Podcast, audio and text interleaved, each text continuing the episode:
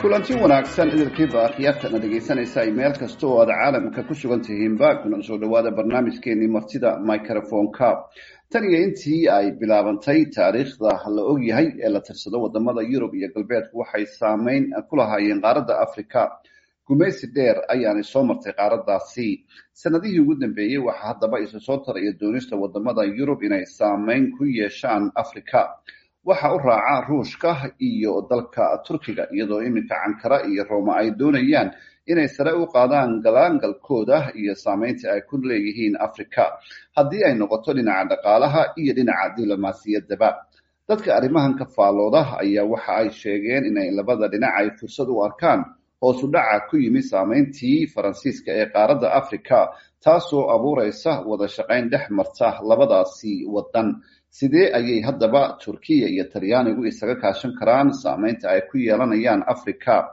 africa se diyaar ma u tahay inay ka faa'iidaysato mise waxa ay noqon doontaa qaarad laga faa'iidaysto? Barnaamijkeena martida ayaynu ku eegi doonaa haddii ilaahay raalli ka noqdo waxaana inoogu marti ah maxamed xasan dable oo ah falanqeeyo degan magaalada leicester ee dalka britain. Maxamed aad iyo aad ayaad u mahadsan tahay kuna soo dhowow barnaamijka martida microfonka cabdi xaafid waan dhowahay aad iyo aad baad u mahadsan tahay adiga iyo bahda v o a somali waan idin salaamaya. Adiga oo maxamedow soo koobaya taariikhda marka loo noqdo waddamada reer galbeedka iyo africa taariikh nooc ma ah ayaa lagu tilmaami karaa? Cabdixaafidow taariikhda africa iyo yurubta galbeed runtii waxaa lagu tilmaami karaa mid madow oo reebtay mahadho aan weligeed la ilaaweyn. Sababtoo ah qaaraddaasi africa waxaa gebi ahaanba gumaystay quwadihii markaa ka jiray yurub sida faransiiska talyaaniga ingiriiska iyo qaar kale. Runtii gumaysigaasi dhaawac weyn buu u geystay qaaradda ilaa iyo maantana inay kor u soo kacdo caqabad buu ku yahay. Waxaa kaloo weheliyey gumaysiga ka ganacsigii dadka madow iyo addoonsigii la addoonsanayey oo ay noqotay mid sidii badeecada loo kala lagu kala gooshiyo dunida dacladeeda. Meelo badan maraykanka maxay aheeday iyo yurubba loogana faa'iidaysto wax soo saarka dalalkooda. Marka wax weyn bay ku reebtay. Markii xataa dowladahan ay xoroobeenna weli si dadban ayuu gumaysigii u sii socday oo madax bannaani buuxdo ma aynan helin iyadoo oo si dhaqaalaysan loo gumaysanayey oo deeq iyo shuruudo lagu xirayna ay mataqaanaa deeq ay uga maarmi waayeen ay ka maarmi waayeen oo uga imaanaysay dowladihii hore u gumaysan jiray taasoo shuruudo ku xirnaa ka dhigay lahaystayaal. Marka mar walbaba taariikhda waa mid madow. Waa tahay dhowaan maxamedo waxaa soo baxay in turkiya iyo talyaanigu ay iska kaashanayaan inay saameyn diblomaasiya iyo mid dhaqaale ay ku yeeshaan africa maxaad is leedahay waxa ay yihiin sababaha ugu waaweyn? Cabdixaafid sababaha ugu waaweyn waxaa ka mid ah adduunkii oo macnaha dhibaatooyin fara badan hadday noqoto xagga dhaqaalihii hoos u dhacay sicir bararo kor u kacay iyo saameyntii dowladihii markaa labadii isdheelitiri jiray oo meesha ka baxay oo hadda ay marayso xilli la joogo multipolar oo ah mar ay dunidu garba siman tahay. Marka quwadihii hore u lahaan jiray heybadda iyo maxay aheeday iyo saameynta ee horeyna gumaysiga uga soo qayb qaatay. Waxaad moodaa maanta fursaday u wada siman yihiin inay u soo baxday. Waxaan aragnay shirarka africa iyo iyo ruushka ay yeesheen kuwa shiinaha iyo africa ay yeesheen kuwa africa iyo maraykanka ay yeesheen kuwa africa iyo ingiriiska ay yeesheen kuwa africa iyo talyaaniga ay yeesheen. Ilaa iyo yani tiradu kooban maaha. Macnaha shirarka aad bay u socdaan marka waa la danaynayaa khayraadkiina africa ayuu ceegaagaa. Dunida kalena waxaad moodaa in mataqaana ay gudhay oo mataqaana waxba aanan ku soo harin hadda. Marka nin walba iyo quwad walbaba waxay rabtaa inay ciriirsato sidii barliin oo kale waagii waxaa loogu magac daray scramble for africa. Mar kale hadda inay dib u soo cusbaanaanaysa ayaad moodaa waa tahay haddii aynu eegno markaas maxamedow africa oo iminka wadamo badan oo ku yaalla konton sano in ku dhow ay xor ahaayeen diyaar ma u yihiin inay ka faa'iidaystaan wadamadaasi iyaga u tartamaya inay saameyn ku yeeshaan? Haddii ay noqoto dhinac dhaqaale iyo dhinac diblomaasiba nasiib daro cabdixaafidow diyaar umaaha umana bisla sababtoo ah waxaa adduunka hortaagnaa marka hore waxyaalahan la yidhaahdo xeerarka caalamiga iyo qawaaniid. Waxaana hadda waxaad moodaa inay burburtay haddana waxa shaqaynaya uu yahay sida hadda waaqica ay ku sugan tahay xoog iyo ninba tabartiisa iyo itaalkiisa wuxuu doono in uu sameyo marka quwadahan waaweyn naftoodu dana iyo masaalix bay kala leeyihiin lakiin afrikaanka diyaar umaha umana bisla. Runtii hadday noqoto xag musuq maasuq iyo hadday noqoto xag maamulba oo maamul wanaag aynan meesha ku haynin uma bisla. Marka waxaad moodaa inay halis u tahay in mar labaad ay noqdaan maxay aheeday kuwo mataqaanay ay ka soo gaarto waxyeelooyin damaca dowladahan horay u soo macnaha gumaystay qaaraddaasi marka africa weli diyaar uma aha waa tahay waxa aad ka dhawaajisay in si dadban uu gumaysi u iman karo.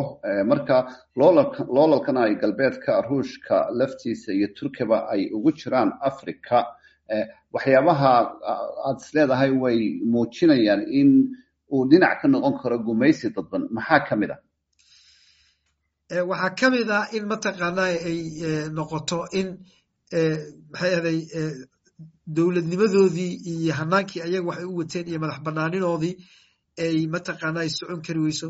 Dowladaha qaar baaba latinka ku yaal caribiyanka mid ku taalla waxayba u yeerteenba ingiriiska oo waxay yidhahdeen kaalay waa ismaamuli kari weynay annaga dib noo noo maamulo noo gumayso. Marka ingiriiskana wuxuu muujiyey inuu diyaar u yahay haddii mataqaanaa ay raalli ka tahay dowladdaasi. Dowladda hadda ma xasuusan karo dowladday ahayd laakiin xaggaa iyo caribiyankay ku taallaa marka waxaasoo kale ayaa yaalla. Hadda ka hor waxaa jirtaa maqaal ku soo baxay guardianka sanadii labada kun iyo labadii oo uu qoray nin ingiriis ahaa oo siyaasi ahaa diblomaasina ahaa la telin jiray ra'isul wasaarihii hore ee dalkan tony blair kalena telin jiray arrimaha yurub. Magaciisa la yidhaahdo david cuba wuxuu qoray maqaal uu leeyahay maanta maalin dunida ay macnaha wuxuu qor waxa la yidhahdo imberidoriyadda madax bannaan ee cusub.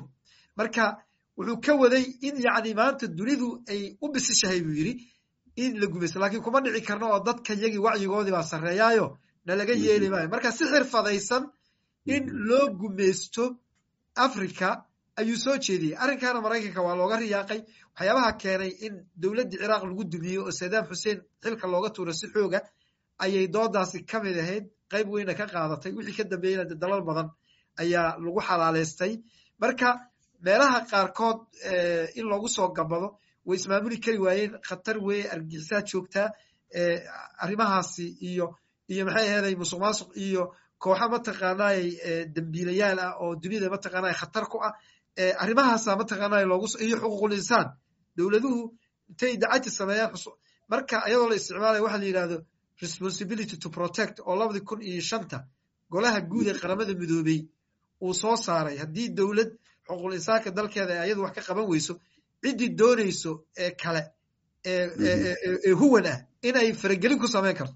Marka waxyaabahaas oo dhan runtii way bannaan yihiin oo dal waxaa dhici kartaa inuu intuu iska dhaqaaqo dal kale uu mataqaanaa dhex galo uu yidhahdo waan xasilinaya waa hagaag. Waxa aad ka dhawaajisay in waddamada maraykanka ruushka sidoo kale turkiya iyo wadamo ka mida yurub ay kulamo la yeeshaan loogu yeedho kulanka africa iyo ruushka oo kale oo ay dhacdo in madax badan oo afrikaan ahi ay la kulanto tusaale ahaan madaxweynaha ruushka oo kale.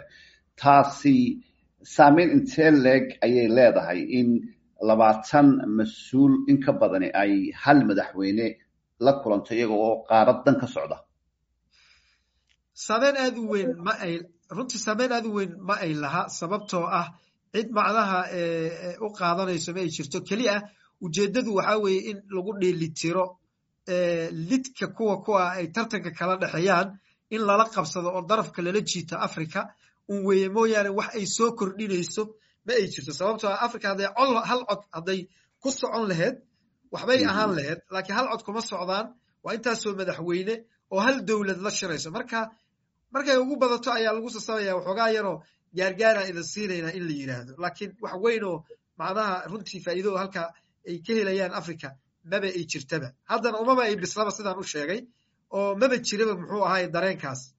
Waa tahay soomaalida haddii aynu u soo noqonno iyo iminka xilligan la taagan yahay oo xasilooni darro siyaasadeed ay jirto dabcan waddamada isha ay dalalkaasi ku hayaana ay ka mid tahay haddii aanay noqonba kuwa ugu horreeya iyagu diyaar ma u yihiin ayaad is leedahay inay ka faa'iidaystaan loolankan maya africay la mid yihiin weliba soomaaliya aad bay oga sii taya hooseysaa afrikada kale oo la oran karo xoogaa nidaam abaaba ka jira inkastoo ay iska wada tacbaan yihiin oy liitaan soomaalidu diyaaru maaha soomaalidu gudaheeda markaad eegto sida ay u kala qaybsan tahay iyo qabyaaladda ay isku hayso iyo meelaha hoose ay ka shaxayso ma aha mid keeni karto in fursadahan imaanayo laga faa'iideysto oo heer qaran macnaha loo xisaabtamo ma aha mid keenayso weli waxa weeye arrin aan aan aad iyo aad u fududayn weye sababtoo ah bisaylka ma jiro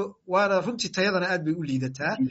Cid gaarana ku eedeyn maayo waa arrin macnaha soomaali oo dhan ay mataqaana ay mas'uul ka tahay maadaama qarannimadii soomaaliya ay lumisay. Haddana ay tahay meesheeda ama dalkeeda ama dhulka meesha aynu kaga naalno dunida soomaaliya ay tahay meesha mataqaanaa istraatiijiyadda juqrafiyaysan leh ee lagaba yaababa xataa quudaha waaweyn in ay ku dagaalamaan marka weli ma arko hoggaan yacni soomaaliyeed oo arrinkaasi sida ay tahay oga mira dhilan karo ma jiro afrikada kale wax la qabtaa bal meelaha ugu liitay kaga jirtaa liiska. Aad iyo aad ayaad u mahadsan tahay maxamed. Adigaa mudan intaasi ayaynu dhegaystayaal ku soo gabagabaynaynaa barnaamijkeenii martida microfonka maxamed xasan dable oo ah falanqeeyo degan magaalada leicester ee dalka britain ayaana inoogu marti ahaa tan iyo inta aynu mar kale kulmayno haddii ilaahay raalli ka noqdo maxamed iyo aniguba waxaanu is leenahay sidaas iyo nabadgelyo